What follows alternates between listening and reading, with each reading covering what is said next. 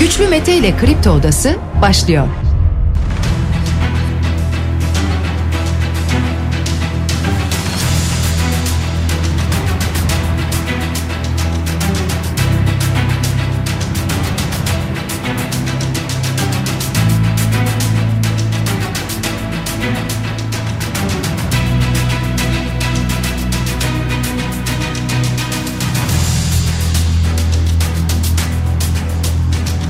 10 Mart Cuma sabahından Kafa Radyo'dan Kripto Odası'ndan tüm Türkiye'ye yurt dışında bizi dinleyen dinleyicilerimize günaydın. Hepinize sağlıklı ve güzel bir gün dileyerek her sabah olduğu gibi programımıza başlıyoruz. Bugün de Kripto Odası'nda saat 10'a dek sizlerle birlikte olacağız.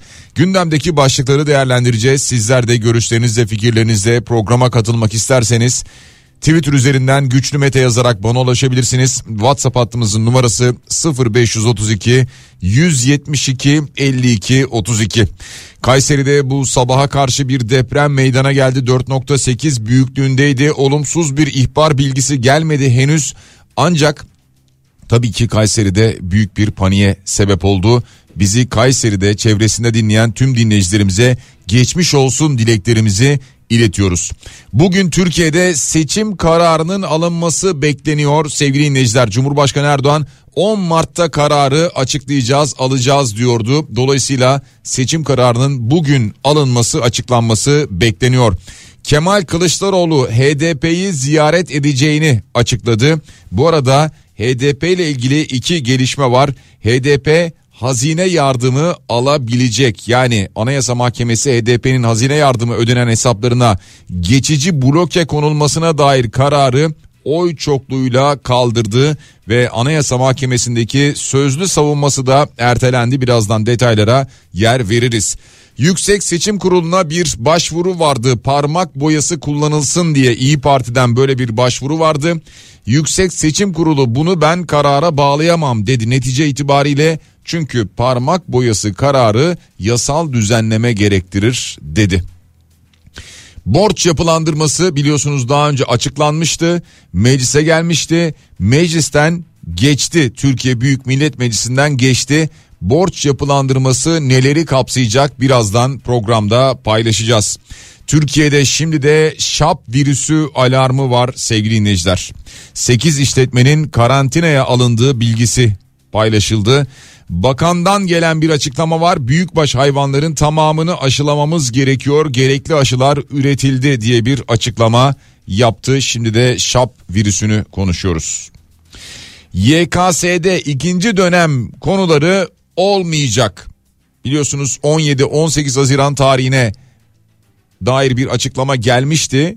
Şimdi YKS ile ilgili yani üniversite geçiş sınavı ile ilgili ikinci dönem konularının içermeyeceği bilgisi paylaşıldı. Bursa Spor'a 9 maçlık bir ceza geldi sevgili dinleyiciler. Profesyonel Futbol Disiplin Kurulu Ahmet Spor maçında yaşanan olaylardan dolayı Bursa Spor'a 9 maç seyircisiz oynama ve 326 bin lira para cezası verdi. NATO'da kritik bir toplantı vardı. İsveç ve Finlandiya'nın NATO üyeliğine ilişkin açıklama Türkiye'den Cumhurbaşkanı Sözcüsü İbrahim Kalın'dan geldi. Bunlara önümüzdeki dakikalarda yer vereceğiz sevgili dinleyiciler.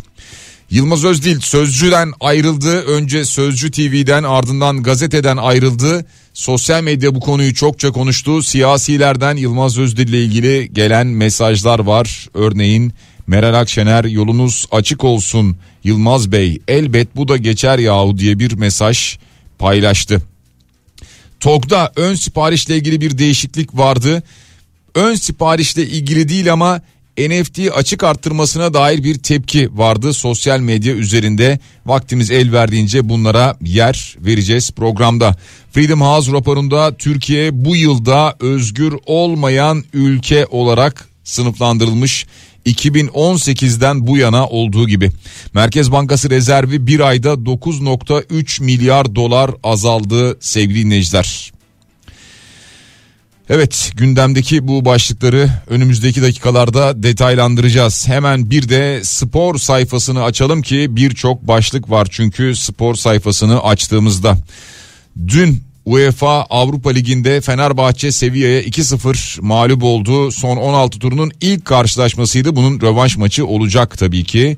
Hemen UEFA Avrupa Konferans Ligi'ne baktığımızda Başakşehir deplasmanda son 16 turunda ilk maçta 1-1 berabere kaldı. Sivas Spor Fiorentina'ya 1-0 mağlup oldu. Bu maçlarında rövanş maçları oynanacak sevgili dinleyiciler. Aynı zamanda Euroleague'de bu hafta çift maç haftasıydı. Daha önce söylemiştik. Bu akşam saat 20.30'da Anadolu Efes Maccabi Tel Aviv maçı var ve 20.45'te Fenerbahçe Barcelona'yı ağırlayacak kendi sahasında. Ve bir de Spor Toto Süper Lig başlıyor. Bu akşam Giresunspor Karagümrük maçıyla başlayacak. Yarın Galatasaray Kasımpaşa maçı var sevgili dinleyiciler. Pazar gününün programına baktığımızda Trabzonspor, Adana Demirspor, Medipol, Başakşehir, Beşiktaş maçlarını görüyoruz. Hemen bir de döviz tablosuna geçelim programın başında. Dolar şu anda 18 lira 95 kuruş.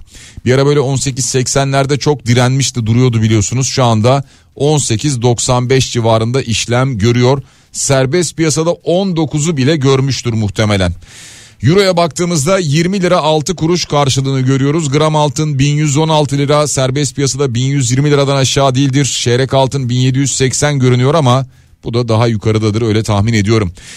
Borsaya baktığımızda BIST 100 endeksi dünü çok az bir artışla kapatmıştı. Dolayısıyla bugüne 5446 puanla başlayacak. Bitcoin'deki düşüş trendi devam ediyor. %7 %8 civarında bir düşüş var Bitcoin'de. 20 bin dolara kadar düştü Bitcoin. Amerika'dan Merkez Bankası'ndan gelen açıklamanın ardından bu düşüş trendi şu anda devam ediyor Bitcoin'de. Kısaca başlıkları böyle toparlamış olalım. Bunlar dışında aktaracağımız haberler de var. Tabii Türkiye'nin gündeminde ağırlıklı olarak iki konu var şu anda. Birisi deprem, diğeri de seçim. Şimdi biz önce depremle başlayacak olursak yeni veri, yeni açıklama çok fazla gelmedi. Yani can kayıpları zaman zaman açıklanıyordu ya. Son olarak Cumhurbaşkanı Erdoğan açıklamış olduğu veride duruyoruz şu anda. Ancak Kayseri'de bu sabah 4.8 büyüklüğünde bir deprem meydana geldi. Saat 5.28'de merkez üssü Hacılar ilçesi olarak kaydedilmişti bu depremin. Dediğim gibi bir olumsuz ihbar gelmedi ama Kayseri bir süredir sallanıyor. Yani Kahramanmaraş merkezli depremler olduktan sonra başlayan o sarsıntılar Kayseri'de devam ediyor sevgili dinleyiciler. E, ve 4.8'in ardından dediğim gibi olumsuz bir ihbar yoktu ama vatandaşlar çok endişeliydi. Sokaklara çıktılar. Çok haklı olarak endişe ettiler. Geçmiş olsun. Profesör Doktor Okan Tüysüz'den gelen bir açıklama oldu hemen bu depremin ardından. Kayseri'deki deprem etkinliği bir deprem fırtınası şeklinde sürüyor. Deprem fırtınaları çok sayıda depremin irili ufaklı bir arada olduğu genellikle orta büyüklüğe erişen bir hareketliliktir. En son Akisar'da uzun süren bir fırtına olmuştu diyor. Kayseri'de de bir deprem fırtınasının devam ettiğini ifade ediyor. Profesör Doktor Okan Tüysüz'den gelen açıklama bu şekilde oldu sevgili dinleyiciler geçmiş olsun. Bir yandan tabi Kayseri'den bahsediyoruz ama diğer şehirlerimizde de zaman zaman dün Adıyaman'da mesela deprem meydana gelmişti. Yanlış hatırlamıyorsam 4.1'di. Adıyaman, Hatay, Kahramanmaraş bu şehirlerimiz maalesef sallanmaya devam ediyor. Deprem soruşturmalarında tutuklu olanların sayısı 269'a yükselmiş. Bu hangi soruşturmalar? Binalarda ihmali olduğu düşünülenler kimlerse ağırlıklı olarak müteahhitler olmak üzere 269 kişinin tutuklandığı bilgisi var. Dün İskenderun'dan gelen bir haber vardı. İskenderun'da 44 tutuklama gerçekleşti. Sebep şu depremler sonrası 59 yağma, hırsızlık ve asayiş olay, olaylarına ilişkin emniyet birimlerince 63 kişi yakalanmış toplamda. 44'ü tutuklanmış, 5'i adli kontrolle serbest bırakılmış, biri hakkında ev hapsi kararı verilmiş, 13'ü serbest kalmış. Toplamda yanlış hatırlamıyorsam şu an 44 gelen İskenderun'dan haber ama toplamda yanlış hatırlamıyorsam 208 kişi tutuklandı.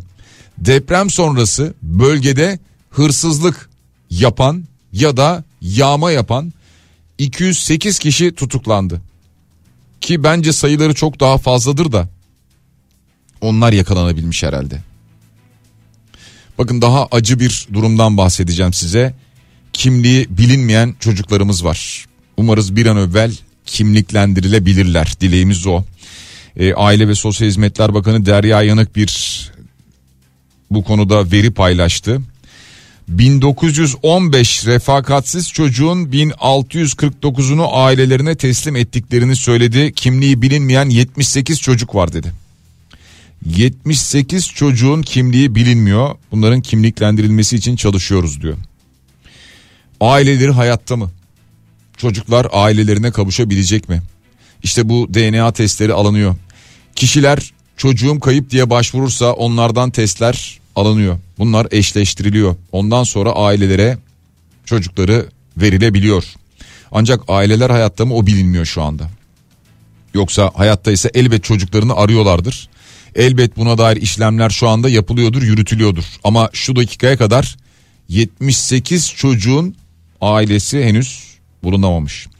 E, çocuk dediğimizde aklınıza hemen böyle e, konuşabilen çocuk gelmesin. Küçüklerden bahsediyoruz. Yani çok e, bebeklik seviyesinde küçük olanlardan bahsediyoruz. Yani kendi derdini anlatamayan, e, konuşamayan e, çocuklarımızdan bahsediyoruz. İşte çok daha acı tablo dediğim tablo buydu aslında.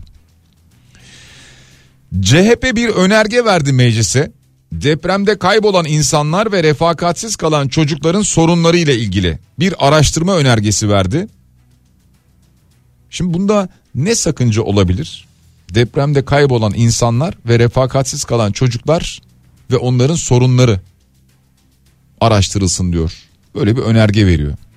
Ama önergeyi tabii bir muhalefet partisi, ana muhalefet partisi verdiği için AK Parti ve MHP'li milletvekillerinin oylarıyla reddediliyor. Yani insani bir konuda bile uzlaşamıyoruz. Birleşemiyoruz.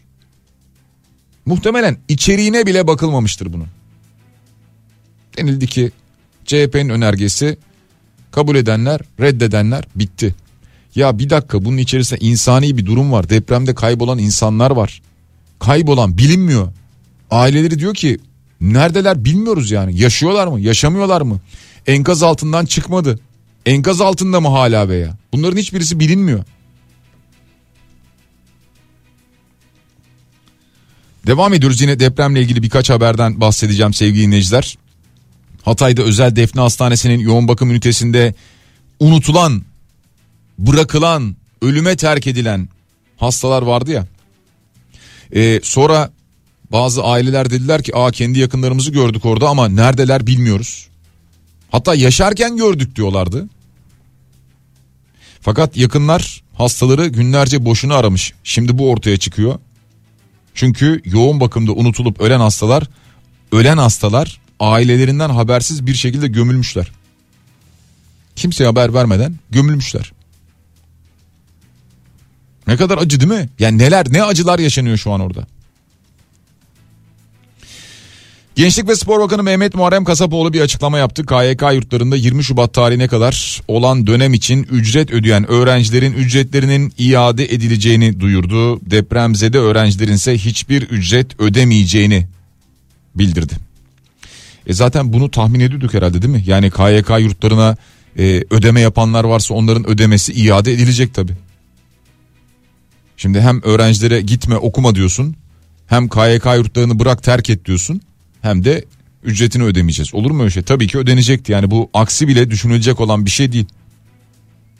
Neyse depremzede öğrencilerin hiçbir ücret ödemeyeceği belirtilmiş. Yani neyle ilgili hiçbir ücret ödemeyecekler bilmiyorum ama e, şu anda üniversiteler kapalı.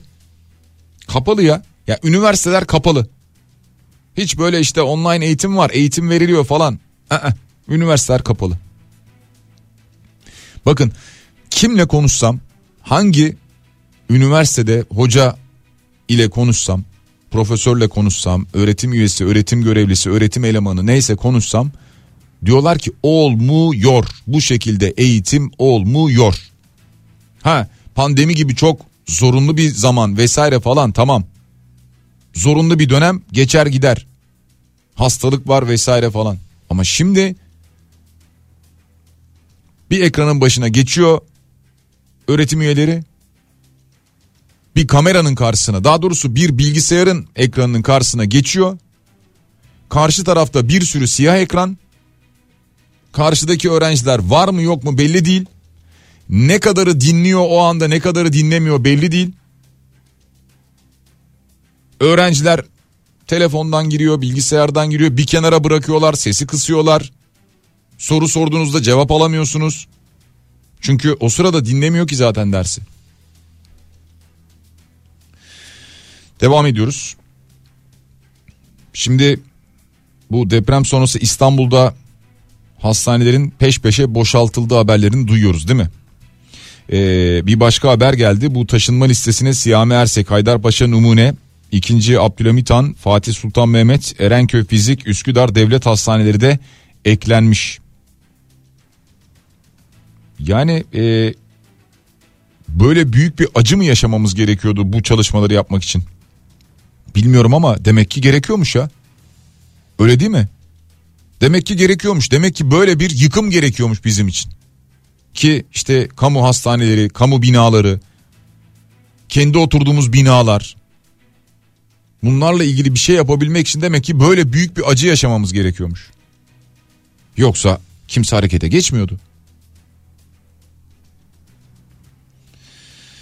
Devam ediyoruz sevgili dinleyiciler. Bir dinleyicimiz Payas Hatay'dan göndermiş. Çadırlar su içinde lütfen bunu da duyurun diyor. Evet bunu e, konuştuk geçtiğimiz gün. E, bu bölge çünkü yağış aldı. Yağış aldıktan sonra insanlar ben bunu anlattım burada ama belki siz atladınız. E, ben bunu anlattım bir kez daha söyleyeyim. Dinleyicimiz fotoğraf da göndermiş şimdi. Şimdi o bölgede çadırların bulunduğu alanlar bu yağış neticesinde su aldı. Su birikintileri oluştu burada. Ve çadırların içine kadar su girdi. E, televizyonda dedim ya bir vatandaş vardı isyan ediyordu. Dedi ki her şeyimiz var şu anda tamam. Yani gıda da veriliyor bize su da veriliyor. Isıtıcı da aldık bunlarla ilgili bir sorunumuz yok dedi. Ama dedi büyük bir sorunumuz var biz çadırda yatamıyoruz çünkü yerler ıslak. Buna bir çözüm bulun dedi. Şimdi yine dinleyicimiz mesaj göndermiş. Çadır kentlerin olduğu yerlerde sular basmış oraları. E insanlar o dışarı bile çıkamıyor. Adım atamıyor. Attığı yer balçık ya da su. Çadırın içi böyle. Çadırın içinde kalamıyor. O nedenle lütfen bunu dile getirin diyor. Hatay'dan, Payas'tan göndermiş dinleyicimiz bunu. Rönesans rezidansta oturan komşumuzun kızı öğretmen Gülnihal Tanrıöver ve iki arkadaşından hala haber yok. Ölü ya da diri ailesi haber alamıyor. Perişanlar bunu dile getirirseniz seviniriz diyor bir dinleyicimiz. Öğretmen Gülnihal Tanrıöver ve iki arkadaşı Rönesans rezidansta oturuyorlarmış. Henüz haber alamadık diyorlar. Ee, umarız yani bununla ilgili haberi tabii ki orada kurulan e, afet masalarından çalışma masalarından alabilirsiniz. Valilikten alabilirsiniz. Veya şu anda bizi dinleyenler varsa valilikte gerçi şu anda radyo dinleyebileceklerini zannetmiyorum ama Gülnihal Tanrı Över ve arkadaşlarıyla ilgili bir haber varsa umarız ailelerine ulaştırırlar. Selam 850 bin yurt kapasitesinde şu an 160 bin deprem zede bulunuyor. İstanbul'da bile 23 yurdun 19'u boş. Üniversitelerde eğitime devam edilmeli ve konu araştırılmalı diyor dinleyicimiz. İşte ben en başından beri söylüyorum yani üniversitelerde eğitime devam edilmeli. Yüz yüze eğitime devam edilmeli. Öğrenciler başka şehirlerden geliyorsa gelip bulundukları şehirlerde üniversitelerinin bulunduğu şehirde konaklayabilmeli. Onlar için bu imkan sağlanmalı ama KYK yurtlarında olur ama başka şekilde olur. Bu imkanı devlet sağlamalı. Eğitim için bu imkan sağlanmalı. Boşaltılan kamu binalarına dikkat edin büyük çoğunluğu arsa değeri yüksek noktalar. Ben halk için yapıldığına inanmıyorum diyor bir başka dinleyicimiz. Şimdi o kısmını bilemiyorum tabii ama netice itibariyle e, bu binaların bulunduğu alanlar değerli alanlar olabilir. Onların yerine başka bir şey yapılmaması lazım. Daha önce de bunu konuştuk biliyorsunuz. İşte Cerrahpaşa ile ilgili falan konuşulurken zaten Cerrahpaşalıların da itirazı var. Dediler ki yani buradan hastaneyi kaldırdıktan sonra buraya başka bir şey yapıp bizi başka bir yere almayın. Buraya tekrar hastaneyi yapacaksınız diye itiraz ediyorlardı. Evet öyle olması gerekiyor. Yoksa ben buradan aldım hastaneyi. Bunu da şehir dışına taşıdım. Diğer şehir hastaneleri gibi. Ülkede yaptığım gibi. İnsanlar şehir merkezinde hastaneye ulaşmakta güçlük çekmeye başladılar. Bakın Mersin'in çok önemli bir sorunu var. Mersin Belediye Başkanı Vahap Seçer açıklama yapıyor. Yani daha ne söyleyebilir bilmiyorum ama şunu söylüyor diyor ki şehrimizin nüfusu 1.9 milyondu diyor. Bakın aşağı yukarı 2 milyon 1.9 milyon. 400 bin sığınmacı geldi diyor. Sığınmacıdan kastı anladınız. Yani işte savaştan kaçmış oradan kaçmış buradan kaçmış Suriye'den gelmiş Rusya'dan gelmiş Ukrayna'dan gelmiş. Afgan yani gelmiş de gelmiş. 400 binde depremzedemiz geldi diyor. 1.9 milyondan biz 2.7 milyona çıktık diyor. Konut fiyatları %200 arttı Mersin'de diyor 1 milyon liraya satılan ev 3 milyon lira oldu diyor bir öğrencinin kalabileceği bir artı bir evin kirası 10 bin lira diyor. Mersin'de bir öğrencinin kalabileceği bir evin bir artı bir evin kirası 10 bin lira oldu diyor. Büyük felaketleri yaşayıp kentimize gelen depremzedelerin yarasını saran Mersin afet bölgesi ilan edilmese de acil olarak özel statü ve destek verilmesini istiyoruz diyor. Evet Mersin'in acil olarak böyle bir desteğe ihtiyacı var. Bakın bir artı bir öğrenci kalabilecek 10 bin lira diyor. Peki öğretmen nasıl kalacak orada? Veya orada yaşayan memur, işçi ev değiştirdiklerinde oraya atandıklarında nasıl yaşayacaklar? Aynı sorun mesela Antalya'da da vardı. Yani depremzedelerle ilgili değil ama göç sırasında yani özellikle Rusya'dan Ukrayna'dan gelişler sırasında. Sonra diyoruz ki fahiş fiyatlar var bunlarla mücadele edeceğiz. Nasıl mücadele edeceğiz? İşte birkaç tane firma bulunuyor. Onlara bir ceza kesiliyor. O kadar. O kadar yani başka bir şey yapamazsınız. Devam ediyoruz sevgili dinleyiciler. Şimdi biraz siyaset tarafına geçelim mi? Siyaset tarafında malum seçim konuşuluyor. En çok konuşulan konulardan bir tanesi de acaba altılı masa işte HDP'ye gidecek mi gitmeyecek mi HDP masaya gelecek mi gelmeyecek mi? Biliyorsunuz İyi Parti dedi ki masaya gelmesin. Yani Meral Akşener net söyledi. Dedi ki masaya asla gelemez ama görüşme yapılabilir dedi. Şimdi dolayısıyla Kemal Kılıçdaroğlu da dün dedi ki HDP'yi ben ziyaret edeceğim dedi. E, Fikret Bilay konuştu onu söyleyelim. Elbette HDP'yi de ziyaret edeceğim. Cumhurbaşkanı adayı olarak tüm Türkiye'nin 85 milyonun cumhurbaşkanı olacağım iddiası da biri olarak tüm partileri ziyaret etmem zaten demokrasinin gereğidir diyor. Aslında böyle tabii. Yani tüm partileri ama. Ayrım yapmaksızın. İşte diyor ki o yüzden HDP'yi de ziyaret edeceğim. HDP eş genel başkanı Mithat Sancar diyor ki muhatabımız Millet İttifakı'nın ortak cumhurbaşkanı adayıdır diyor. Bundan bahsediyor.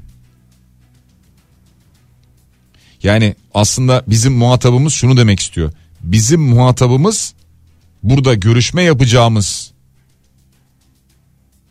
muhatap CHP değil Millet İttifakı'nın ortak cumhurbaşkanı adayıdır diyor. Ya evet yani böyle bir söylemsel bir ayrım olabilir. Yine benzer şekilde HDP'den Grup Başkan Vekili Saruhan'a oluşturan bir açıklama vardı. Bu çok demokratik bir açıklama olması gereken bir şey. Zamanı henüz belli değil. CHP tarafından bize bir şey gelmedi henüz dedi ama e, bir ara böyle bir kulislerde 14 Mart tarihi konuşuldu. Ama şimdi Kemal Kılıçdaroğlu diğer siyasi partilerin genel başkanları Ekrem İmamoğlu, Mansur Yavaş deprem bölgesine gidecekler ziyarete. O bölgede çalışmalar yapacaklar. O yüzden bu ziyaret ne zaman olur bilemiyorum ama HDP ile ilgili iki karar vardı önemli. Geçtiğimiz hatta bu hafta başında söylemiştim yanlış hatırlamıyorsam. HDP için kritik bir 10 güne giriliyor demiştim. O da neden? HDP'nin hazine yardımı konusu vardı. Bloke vardı ya hesaplarda. Bu konuşulacaktı. Anayasa Mahkemesi'nde görüşülecekti. Bir de sözlü savunması vardı HDP'nin kapatılma davasına ilişkin. Şimdi her ikisiyle ilgili de önemli gelişmeler var. Bir tanesi Anayasa Mahkemesi HDP'nin bu hazine yardımı ödenen hesaplarına geçici bloke konulmasına dair kararı oy çokluğuyla kaldırdı. Yani HDP bu hesaplarından yararlanabilecek ve hazine yardımından yararlanabilecek anlamına geliyor. Net bir şekilde Anayasa Mahkemesi'nden böyle bir karar çıktı. Bir de HDP'nin sözlü savunması olacaktı 14 Mart tarihinde. HDP'nin kapatma davası devam ediyor. Ya bir yandan bu dava sürüyor, devam ediyor. Ancak bu davanın görülmesinin seçim sonrasına bırakılmasını talep etmişti HDP Anayasa Mahkemesi. Bunu uygun görmemiş ve kabul etmemişti. Ama 14 Mart'ta yapılacak olan sözlü bir savunma vardı. Bu 11 Nisan tarihine ertelendi. Partinin böyle bir ek süre talebi oldu. HDP'nin ek süre talebi oldu ve Anayasa Mahkemesi bunu kabul etti. Bu 11 Nisan tarihine ertelendi. Yani sanki netice itibariyle seçim öncesinde bu karar alınmayacak gibi görünüyor şu anda.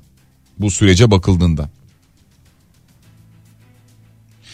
İyi Parti Genel Başkan Yardımcısı Bahadır Erdem bir açıklama yaptı. Kesin çizgilerimiz var diyor. Selahattin Demirtaş'ın e, İyi Parti'ye Meral Akşener'e daha doğrusu bir mektubu vardı hatırlayacak olursanız. E, buna ilişkin bir açıklama yaptı. Ee, bizim kesin çizgilerimiz var. Milletin çizgisi olduğuna inandığımız için biz onu ortaya koyuyoruz. Her siyasi parti milletin sesidir. Milletin temsilcisi olduğu, milletin değerlerini temsil ederek bunu gündeme getirdiği zaman ancak teveccüh görür ve yaptığı siyaset bir işe yarar diye düşünüyorum diyor. Biz netiz diyor. Bizde değişen bir şey yok diye bir açıklama yapıyor. Yani Selahattin Demirtaş'ın mektubu kendisine sorulduğunda İyi Parti'den böyle bir açıklama geliyor. Şimdi Cumhurbaşkanlığı yardımcılığı formülü. Yani Cumhurbaşkanı yardımcısı. Yani formül neydi? Ekrem İmamoğlu ve Mansur Yavaş da Cumhurbaşkanı yardımcısı olsun. Ekrem İmamoğlu doğru bir şekillenme oldu dedi. Ee, buna ilişkin açıklaması böyleydi. Bir yandan Mansur Yavaş işte seçim çalışmalarına destek verecek o yüzden görevi bırakacak gibi tuhaf bir takım iddialar ortaya atılmıştı. E, Ankara Büyükşehir Belediyesi doğal olarak dedi ki kanunen de fiilen de böyle bir durum söz konusu değildir diye bir açıklama yaptı. Ya bu tuhaf iddia diyorum gerçekten. Yani neden görevi bıraksın? Ya görevi bırakacak olsa zaten ne bileyim Cumhurbaşkanı adayı da olurdu. Başka bir adaylık da açıklardı. İşte milletvekilliği vesaire falan neyse. Böyle bir şey yok. Neyse devam edelim biz. Böyle bir şeyin olmadığı açıklandı zaten. Muharrem İnce'den yani Memleket Partisi'nden nasıl bir açıklama gelecek acaba? Bu merakla bekleniyor. Çünkü 12 Mart pazar günü Cumhurbaşkanı adaylığı için bir ön seçim yapacak Memleket Partisi. Bu bilgi var. O nedenle de ya bu ön seçimde acaba işte aday kim olsun? İşte Muharrem İnce'nin adı mı çıkar, başka bir isim mi çıkar neyse. Memleket Partisi kendi adayıyla mı seçime girecek? Yoksa yoksa Millet İttifakı'na mı katılacak mesela? Ee, işte mesela Özgür Özel çok fazla telefon aldıklarını falan bunları söylüyor da yani dönebilir partiye dönsün bununla ilgili bir beklenti var çok sayıda telefon var baba evinin kapısını çalsın partiye dönsün böyle bir beklenti var diye bir açıklama yapıyor. Meral Akşener de Muharrem İnce'ye saygım sonsuzdur. Bir ve beraber yol yürümeyi isterim mesajını vermişti mesela. Ya dolayısıyla Memleket Partisi nasıl bir karar alacak? Bu 12 Mart'ta kendi içlerinde yapacakları Cumhurbaşkanlığı adaylığı seçiminde böyle bir seçenek olacak mı? Yani Millet İttifakı'nı destekleyelim gibi bir seçenek olacak mı onu bilmiyoruz. Ümit Özdağ Zafer Partisi Genel Başkanı biliyorsunuz e, çeşitli partilerle ittifak kurdu e, ve Cumhurbaşkanı adayları ile ilgili bir açıklama yaptı. Dedi ki Adalet Partisi yani tabi Zafer Partisi, Adalet Partisi, Doğru Parti, Türkiye İttifakı Partisi ve büyük bir ihtimalle bize katılacak olan Ülken Partisi ile seçimlere gireceğiz dedi ve Cumhurbaşkanı adaylarının da belli olduğunu söyledi. Yani bu cepheden bir aday çıkacak mı? Farklı bir aday çıkacak mı? Yani şunu demek istiyorum. Burada en çok merak edilen konu şu seçim ilk turda biter mi bitmez mi? İlk turda bitmesi için kesin bitmesi için öyle ya da böyle kesin bitmesi için iki aday olması gerekiyor. Çünkü iki aday olursa ancak oylar ikiye bölünecek. O zaman işte biri yüzde 51 öbürü yüzde 49 biri yüzde 55 öbürü yüzde 45 neyse böyle bir oran orantı çıkacak ortaya. Ama üçüncü aday girerse oran orantı hesabı değişecek. Ya yani o zaman yine ilk turda bitme ihtimali de var ama ikinci tura kalma ihtimali de artacak. Peki dün Sabah gazetesinde Mahmut Övür bir yazı kaleme aldı. Dedi ki Anavatan Partisi ve DSP Cumhur İttifakı'na katılacak. Hareketli saatler var siyasette dedi. Sonra Demokratik Sol Parti Genel Başkanı Önder Aksakal'dan bir açıklama geldi. Cumhur İttifakı'ndan bir teklif gelirse kabul eder misiniz sorusuna. Bunu tabii ki değerlendiririz dedi. Bu konuların görüşülüp bir şekle evrilmesi sağlanacak, bir karar oluşturulacak. O karar çerçevesinde tabii ki değerlendirmeye alınacaktır diye bir açıklama yaptı. DSP. Yani Ecevit'in DSP'si bundan bahsediyoruz. Cumhur İttifakı'na katılma teklifini değerlendiririz diyor yapmış olduğu açıklamada. Yüksek Seçim Kurulu'na İyi Parti'nin bir e, itirazı vardı. Parmak boyası uygulansın seçimde diyordu. Yüksek Seçim Kurulu'na İyi Parti. Mustafa Tolga Öztürk'ün böyle bir başvurusu oldu. Ancak Yüksek Seçim Kurulu dedi ki bununla ilgili biz işlem yapamayız. Çünkü bununla ilgili bir yasal düzenleme gerekiyor dedi Yüksek Seçim Kurulu. Yani diyor ki bu kararı ben alamam ben veremem bu kararı bu karar yasal düzenlemeyle olabilir yani bunu gideceksiniz mesela mecliste e, bir karar alacaksınız yasal bir düzenleme yapacaksınız ondan sonra bu parmak boyasına geçilebilir yeniden diyor Yüksek Seçim Kurulu. Parmak boyası gelsin diye çok fazla talep var bir yandan. Ee, bir yandan da gelecek gibi görünmüyor sanki. Dedim ya bir e, karar gerekiyor diyor Yüksek Seçim Kurulu. Bu karar yasal bir karardır diyor. Bizimle alakalı bir şey değildir diyor. Ya o nedenle şu anda İyi Parti'nin veya CHP'nin veya diğer partilerin bastırması işte ille istiyoruz parmak boyası geri gelsin. Ha bu siyaseten bir baskı oluşturabilir mi? Yani meclis üstünde bu baskıyı oluşturması gerekiyor çünkü. Yani AK Parti MHP buna destek verir mi? Evet tamam parmak boyası yeniden gelsin ya olsun denir mi onu bilmiyoruz. Yani e, şu an için pek öyle bir hava yok çünkü ortada. Parmak boyası gelsin de neden isteniyor? İşte en azından belki mükerrer oy kullanmaların önüne geçilir. Ya bir kişi kendi adına oy kullanıp gidip bir başkasının adına oy kullanmaz. Kullanmasın. Yani gidemeyecek birisi vardır onun yerine oy kullanıyor olabilir. Bunu yapmasın. Veya işte çeşitli bir takım bunu herhangi bir partiyi kastederek söylemiyorum. Çeşitli bir takım dolandırıcılıklar, sahtekarlıklar olabilir. Bunlar olmasın. Bu nedenle parmak boyası olsun yeniden gibi bir talep var vatandaştan ama hani uygulamada olur mu derseniz pek olacak gibi görünmüyor şu anda. Bugün seçim kararı alınacak. Yani Cumhurbaşkanı Erdoğan daha önce böyle açıkladı. Dedi ki bu kararı biz 10 Mart Cuma günü alacağız dedi. Dolayısıyla bugün bu karar alınacak öyle görünüyor. Seçim kararı ile beraber Yüksek Seçim Kurulu devreye girecek. Ve diyecek ki artık biz seçim sürecini başlattık ki bunun için hazırlıklarını zaten yapmışlardır bu ana kadar. Defalarca 14 Mayıs söylendi çünkü. Diyecekler ki bunun üzerinden bir 60 gün 10 Mart'ın üstüne aşağı yukarı 60 günü koyduğumuzda karşımıza ne çıkıyor bizim? 10 Mayıs tarihi çıkıyor aşağı yukarı diyorum. Ee, 60 günün sonrasında gelen ilk pazar o da ne oluyor? 14 Mayıs. 14 Mayıs tarihinde bu ülkede seçim olacak anlamına geliyor. Erdoğan seçim kararını bugün imzalayacak. Son haberi de ben size söyleyeyim. Şu anda gelen son dakika haberini seçim saat 14'te ilan edilecek. Cumhurbaşkanı Erdoğan'ın Beştepe'de bugün saat 14'te bu kararı imzalaması ve ilan etmesi bekleniyor. Artık bugünden itibaren de resmen Türkiye seçim atmosferine girmiş olacak. Çünkü resmi olarak 14 Mayıs tarihi henüz ilan edilememişti. Bir reklam aramız var sevgili dinleyiciler. Kısa bir ara hemen ardından yeniden buradayız. Kripto Odası devam ediyor. Reklamların ardından yeniden sizlerle beraberiz. Gündemdeki başlıkları değerlendiriyoruz. Bir yandan sizlerden gelen mesajlar var reklam aralarında. Onlara da göz gezdiriyoruz. Ömür Bey diyor ki günaydın abi YSK seçmen listeleri internette yayınlansın. Yakınlarını arayanlar seçmen listelerinden seçim günü kontrol etsin. Oy kullanılmış mı kullanılmamış mı diyor. Yani e, buradan ulaşılabilir manasında söylüyor dinleyicimiz.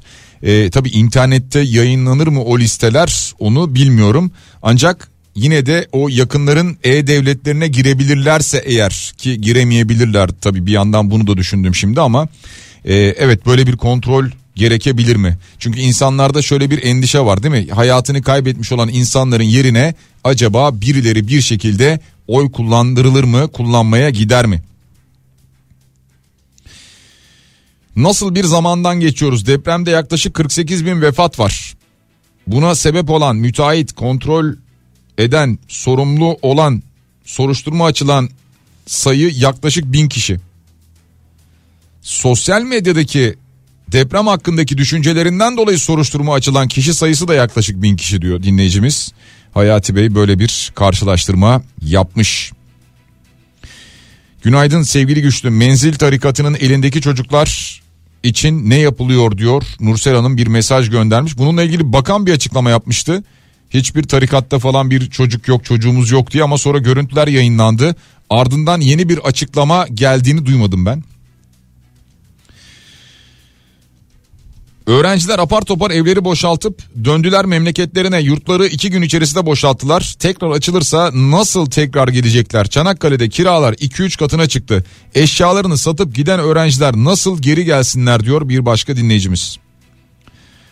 Tabii böyle bir durum da var. Yani ciddi bir kriz oluşturduk. Yani ayrıca öğrencilerin hayatında ve ailelerin hayatında. Her şey iyi güzel hoş ama Cumhur İttifakı bir aday çıkaracak mı? Seçime şurada iki ay kaldı daha bir aday belirleyemediler. Anayasaya uygun şartlarda ne zaman belirleyecekler acaba diyor Tahsin Sercan göndermiş bu mesajı. E, Cumhur İttifakı'nın adayı Cumhurbaşkanı Erdoğan. E, ha aday ne zaman resmi olarak açıklanır diyorsunuz ama şunu söyleyeyim henüz daha seçim kararı alınmadığı için Yüksek Seçim Kurulu da buna dair çalışmasına resmen başlamadığı için henüz bir başvuru Yüksek Seçim Kurulu'na yapılmadı. Yapılamaz. Şu anda yapılamaz. Ha seçim kararı açıklanacak. Ee, ardından Yüksek Seçim Kurulu seçim takvimini belirleyecek. Bu seçim takviminde diyecek ki son olarak işte şu tarihe kadar adaylar başvurularını şu şartlarda yapabilirler. Başvurular yapılacak. Yüksek Seçim Kurulu başvuruları değerlendirecek. Diyecek ki aday olabilir, olamaz. Neyse bu değerlendirmeyi yapacak. Ardından kesinleşmiş olacak zaten aday adaylar. İşte benzer şekilde e, milletvekili aday listesi de oluşturulacak. Bir yandan buna da çalışılıyor. Abi muhalefet parmak boyası kesinlikle olmamalı diye başvursun. Zaten AKP MHP oylarıyla reddedilir ve otomatik olarak parmak boyası gelir diyor. Bayrampaşa'dan Seçin göndermiş bu mesajı. Ee, şimdi olmasın diye başvurursa e, ha, reddedilir diyorsunuz siz. Ama tam tersi uygulama yapılması lazım. O biraz zor tabii ama neyse. Devam ediyoruz sevgili dinleyiciler gündemdeki diğer başlıklarla. Şimdi bunlardan bir tanesi şap hadisesi. Şap hastalığı alarmı var şu anda. Yani Türkiye'de yeni bir şap virüsü alarmı var. Bu yeni tip bir şap virüsü var. Ee, bu nedenle mezbalara gidiş dışında tüm hayvan nakilleri yasaklandı. Hayvan pazarları kapatıldı. Tarım ve Orman Bakanlığı bünyesindeki veteriner hekim, tekniker ve teknisyenlerin izinleri iptal edildi. Latif Sansür bu haberi yaptı. Ee, ardından yine Bakanlıktan bir açıklama geldi. Tarım ve Orman Bakanı Vahit Kirişçi bu şap hastalığı ile ilgili gerekli aşılar üretildi. Büyükbaş hayvanların tamamını aşılamamız gerekiyor diye bir açıklama yaptı. Şimdi e, dün ben e, bakanın bu açıklamasını duydum, dinledim. Yani canlı yayında bunu dinledim. E, diyor ki sahada titizlikle yürütülen çalışmalar neticesinde SAT2 serotipi şap hastalığını taşıyan ilk vaka tespit edildi. 8 işletme toplamda kordon karantina dahil olmak üzere tüm tedbirler alındı deniyor 8 işletmede. Önemli olan diyor aşının üretilmesiydi ve SAT2 serotipine karşı aşı üretilmiş ve 9 Mart 2023 tarihi itibariyle kullanıma hazır hale getirilmiştir diyor. Ya bu bir defa bence bilmiyorum. E, demek ki aşı alanında çalışan hekimlerimizin büyük bir başarısı öyle düşünüyorum. Çünkü şap haberi çıktı böyle bir iki gün içerisinde işte karantina büyük bir e, hadise yaşıyoruz şu anda. Şap virüsü görüldü hayvanlarda denildi. Ve bakan da dedi ki evet bu virüs görüldü aşı üretilmesi gerekiyordu aşıyı hemen ürettik ve uygulamaya başladık dedi. Yani sanki böyle bir iki günde gerçekten üretilmiş gibi görünüyor. Dedim ya hekimlerin o zaman büyük başarısı var bu işte. Ee, şimdi hemen böyle bir aşılama kampanyası başlıyormuş. İvedilikle bu aşı üretimi tamamlanmış. Süratle de aşılama başlamış. Başlamış da e, şimdi insanlar endişe ediyor tabii. Edeceğiz hepimiz edeceğiz. Yani 8 işletme karantina altına alınmış. İşte hangi işletmeler alınmış oradan hangi işletmelere gidiyormuş. E, tükettiğimiz etlerde var mı yok mu bundan sonra karşımıza çıkacak mı çıkmayacak mı? Ciddi manada bir endişe yaratıyor hepimizde. Bakana bu soruldu şu anda piyasada acaba piyasaya çıkarılmış olan sunulmuş olan böyle etler var mıdır diye soruldu. Dedi ki bakın bir daha tekrar ediyorum dedi. Biz dedi aşıları ürettik. Büyükbaş hayvanları aşılamaya başladık dedi. Yani bu soruya net bir cevap bence yoktu. Ama dedi ki biz yani karantinayı uyguladık, aşıları ürettik, aşılamayı yapıyoruz. Yani hani bu cevaptan sanki piyasaya çıkmamış gibi bir izlenim edindik ama ya şunu duymadık. Hayır. Kesinlikle piyasada böyle bir et bulamazsınız gibi bir şey duymadık. Şimdi bu et fiyatlarını da etkiler bakın. Ya şu anda madem ki böyle bir durum var ve karantina var, kontrol var, e, hayvanların bu alanlardan çıkarılmasına izin verilmiyor. O zaman zaten Türkiye'de etle ilgili ciddi bir sorun yaşıyorduk. Zaten et fiyatları almış başını gitmişti. Kıymanın en ucuzunun 210-220 lira olduğu noktalara gelmiştik. Ki 300 lira falan bu civarda birçok yerde var İstanbul'dan bahsediyorum. Et fiyatları yani et fiyatları bayağı gitti. Yani 400-500 liraları 600 liraları buldu kilosu. Şimdi bundan sonra bu da ciddi bir problem yaratacaktır gibi görünüyor. Ve devam ediyoruz gündemdeki diğer başlıklarla. Bunlardan bir tanesi e, Yılmaz Özdil Sözcü TV'den ayrıldı. Ardından Sözcü gazetesinden de ayrıldı. E, daha sonra dün çeşitli işte haberler, sosyal medya hesaplarında paylaşımlar vesaire falan derken insanlar Yılmaz Özdil'in Sözcü'den çıkarıldığını tırnak içinde söylüyorum. Yani hoş bir kelime değil bu. Kovulduğunu falan yazdılar. E, fakat Sözcü gazetesi bugün bir açıklama yaptı. Dedi ki hayır biz çıkarmadık kendi kararıyla ayrıldı. Hiçbir yazısına da müdahale etmedik dedi.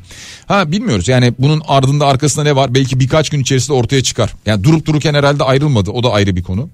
E, herhalde bir şey yaşandı. Yani belki belki bir uyarı vesaire falan. Belki bir mesaj falan böyle bir şey. Bilemiyoruz netice itibariyle ama e, maalesef oradan ayrıldı.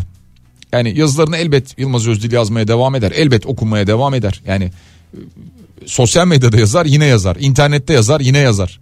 E, ama elbet bir gazetede ki şimdiden böyle bir iki gazeteden e, çağrı vardı. E, olabilir. Belki oralarda gider yazar. Neyse elbet yazar onu demek istiyorum. Kitap yazar, yazı yazar. Bunlar halen okunur, okunmaya devam eder. O ayrı bir konu.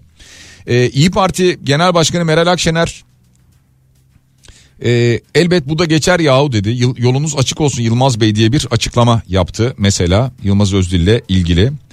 E, siyasilerden gelen destek mesajları vardı. Bunun dışında mesela Memleket Partisi Genel Başkanı Muharrem İnce topluma gerçekleri anlatmaktan bir gün bile olsa vazgeçmeyen usta gazeteci Yılmaz Özdil biz seni böyle bildik ve böyle bilmeye devam edeceğiz daima yolun açık olsun dedi. İşte CHP Genel Başkan Başdanışmanı Tuncay Özkan benzer bir şekilde karanlık günlerimin dostudur dedi. O entrikaları da entrikacıları da açığa çıkartır dedi. E, son olarak biliyorsunuz işte Meral Akşener'le ilgili veya bu altılı masadan Meral Akşener'in kalkışıyla ilgili söylediği sözler vardı. Yani Akşener masayı dağıttı demek bir gazetecilik ahlaksızlığıdır mesajı vardı. E, bunun üzerine tartışmalar olmuştu. E, yani bütün bunların altında bu mu yatıyor başka bir şey mi var? Bu kısmını tabii ki şu an için biz net bir şekilde bilemiyoruz. Ve devam ediyoruz gündemdeki diğer başlıklarla. NATO. NATO deyince Türkiye ile alakalı kısmını söyleyeceğim. İsveç ve Finlandiya konusu. Türkiye üyeliklerine onay verecek mi, vermeyecek mi? Çünkü bir üye reddettiği takdirde üye olamıyorlar. Türkiye'de reddediyor. Daha doğrusu reddederim onaylamam diyor. Neden? Çünkü teröre yakın duruyorlar. O nedenle biz bunu yapmayız diyor. Son dönem son süreçte ne oldu? Türkiye dedi ki Finlandiya daha uzaklaştı bu konudan evet vaatlerini yerine getirmeye başladı ama İsveç halen terörle arasına mesafe koyamadı. O nedenle onaylamayız diyordu Türkiye. Dün NATO'da bir toplantı vardı. Brüksel'de bir toplantı vardı. Bu toplantıya Cumhurbaşkanı Sözcüsü İbrahim Kalın da katıldı. Ardından da zaten bir açıklama yaptı. Bu toplantı öncesinde İsveç Başbakanı'ndan Kristersson'dan gelen bir açıklama vardı ki o olumlu bir havadaydı. Diyordu ki biz yasa geçiriyoruz İsveç'te. Terörle mücadele yasası. O nedenle artık üstümüze düşen vazifeyi yaptık. Siz de bunu onaylarsınız diyordu. Onaylayın diyordu. Şimdi İbrahim Kalın görüşmenin iyi bir havada geçtiğini söylüyor. İsveç ve Finlandiya'nın PKK ile mücadelede attığı adımlardan memnunuz ancak yeterli değil diyor. Sürecin nasıl işleyeceği iki ülkenin atacağı adımlara bağlı diye bir açıklama yapıyor. Yani netice itibariyle Türkiye masadan şöyle kalkmadı. Evet olumlu adımlar attılar tamam. Biz de bundan sonra muhtemelen onaylarız gibi bir mesaj vermedi. Bakalım ne olacak da onaylamaya karar vereceğiz. Yani mesela yasa geçtiğinde onaylayacak mıyız İsveç'te? Yoksa Türkiye anladığım kadarıyla doğal olarak bence sahada görmek istiyor karşılığını. Yani uygulamada görmek istiyor Türkiye bunun karşılığını. Devam ediyoruz gündemdeki diğer başlıklarla. YKS'ye girecek olan öğrenciler için söyleyelim. Zaten artık bunu öğrenciler biliyordur, aileler biliyordur ama üniversite adayları 17-18 Haziran'da biliyorsunuz sınava girecekler. Bu AYT, TYT sınavlarına veya YDS sınavlarına girecekler. 12. sınıf ikinci dönem konularından muaf tutulacaklar. Neden işte bu malum yaşadığımız deprem olayı ardından okulların hemen açılamaması açıldıktan sonra yine de morallerin bozuk olması tüm bunlar var bu kapsamda. O nedenle ikinci dönem konuları olmayacakmış sevgili dinleyiciler. Borç yapılandırma program başında söylemiştik. Şimdi bu meclisten geçti. Daha önce Cumhurbaşkanı Erdoğan bunu açıklamıştı. Meclisten bu kez geçti. Yani tüm vergi cezaları, tüm vergi cezaları, trafik, askerlik, nüfus, köprü, otoyol kaçak geçiş cezaları. Daha önce hiç yapılandırma düzenlemesinde yer almayan adli para cezaları, idari para cezaları, öğrenim kredisi borçları ve destekleme primi borçları da yine yapılandırma kapsamına alındı sevgili dinleyiciler. İnternet vergi dairesinden borçlarınızı öğrenebilirsiniz isterseniz. Ve ardından da bu borçlarınızı yapılandırmaya sokabileceksiniz. Şu an meclisten geçti. Cumhurbaşkanı da imzalayacaktır öyle tahmin ediyorum ve üst sınır 48 ay yani 48 aya kadar bir borç yapılandırması yani taksitlendirmesi böyle söyleyebiliriz yapabileceksiniz. Borçlar peşin ödenirse küçük oranlar uygulanarak hesaplanan yurt içi üfe tutarının %90'ından da vazgeçilecek. Eğer yapılandırılan borç idari para cezasıysa asıl alacaktan da %25 oranında indirim sağlanacak gibi önemli maddeler de var.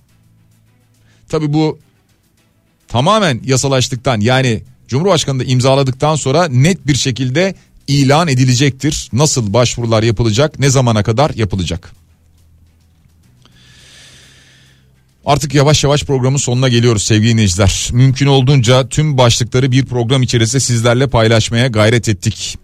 Bir haftayı bitiriyoruz şimdilik. Cenker Bayrağı Teknik Basar'a teşekkür ediyoruz. Biraz sonra Bediye Ceylan güzelce sizlerle birlikte olacak. Güzel Şeyler programında. Hafta sonu pazar akşamı saat 21 ile 23 arasında Sarı Tramvay'da yine sizlerle birlikte olacağız. Fonda çalmaya başlayan şarkıyı duydunuz. Bununla veda ediyoruz sizlere. Bugün sözleri çok eski ama önemli. Cem Karaca yiyin efendiler yiyin diyor. Bu sofracık efendiler Halkımızın var yoğu hayatı. Kan ağlayan can çekişen halkımızın. Bekler sizi efendiler Önünüzde titrer durur. Ama sakın çekinmeyin. Yiyin yutun, yiyin yutun, yiyin yutun şapır şupur Yiyin efendiler yiyin bu iştah veren sofra sizin. Doyuncaya, tıksırıncaya, patlayıncaya kadar yiyin. Yiyin efendiler yiyin. Bu iştah veren sofra sizin. Doyuncaya, tıksırıncaya, patlayıncaya kadar yiyin. Verir bu fukara memleket. Nesi var nesi yoksa hepsini Verir malını canını Umudunu düşünü Rahatını sağlığını içinin bütün ateşini. Hadi hadi yuvarlayın düşünmeyin. Haram mıdır helal mi? Yiyin efendiler yiyin. Bu iştah veren sofra sizin. Doyuncaya